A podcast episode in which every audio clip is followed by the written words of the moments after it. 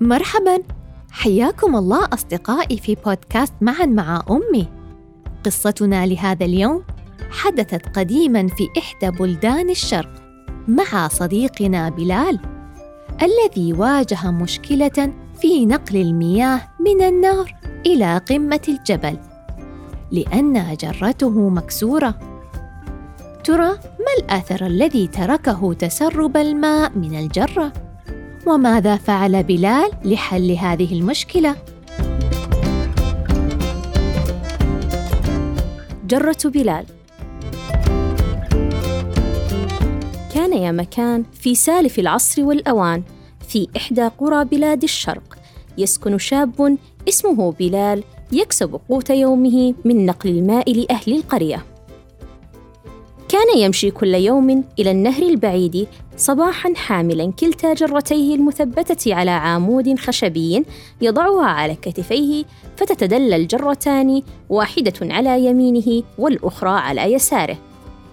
وعند المغيب يعود بلال بعد ملء الجرتين صعودا إلى أعلى التلة ليفرغ الماء لأهل القرية ثم يعود إلى منزله بعدما كسب مالا قليلا. وكان يفعل هذا كل يوم.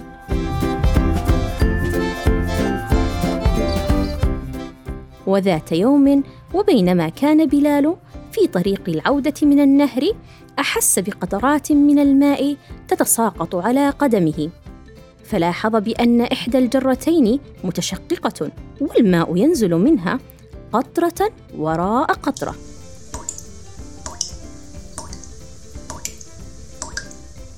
وعندما يصل بلال يصل عائدا إلى القرية يكون الماء قد اختفى نصفه من الجرة فيغضب بلال ويتحسر على جهده الذي ضاع بسبب الجرة المتشققة. فيعود إلى منزله خائبا حزينا. لطالما سمع أهل القرية بلال وهو ينعت جرته بشتى النعوت فيسميها بعديمة النفع. مرة وبالناقصة مرة. حتى كاد أن يرميها بعيدا لولا حاجته لها.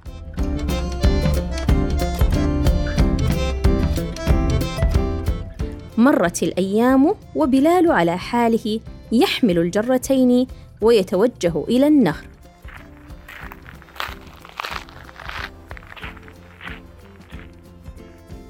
ثم يعود وإحداهما ناقصة وكان بلال يرى الماء ينقص نقطة بعد نقطة فيسرع المشي حتى لا ينقص الكثير.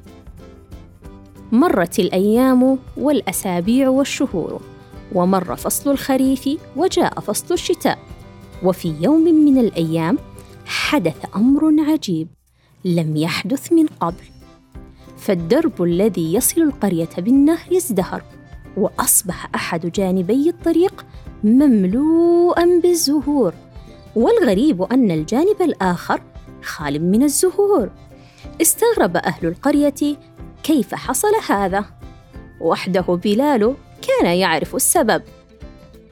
إنها الجرة المتشققة التي كان يتسرب منها الماء قطرة قطرة فترتوي البذور المدفونة في ذلك الجانب من الطريق. نظر بلال إلى جرته نظرة فخر. فلم تصبح جرة ناقصة أبدا.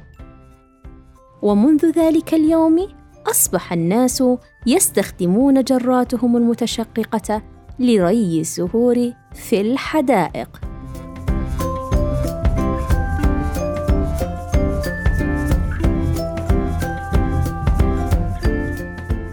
أصدقائي تلهمنا جرة بلال أن نبحث عن الأثر الحسن. وننظر للأمور من زاوية مختلفة. هل فكرتم يوما كيف يمكننا استخدام أداة تالفة للاستفادة منها بشكل مختلف؟ ابحث في المنزل مع ماما وفكرا سويا.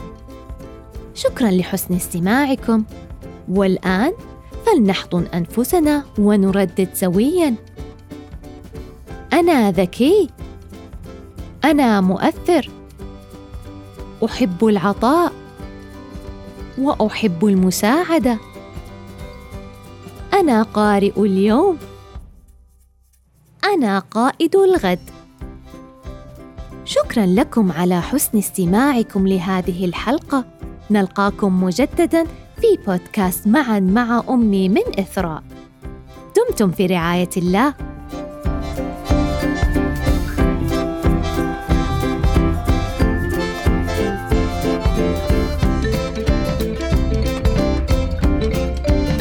Bye.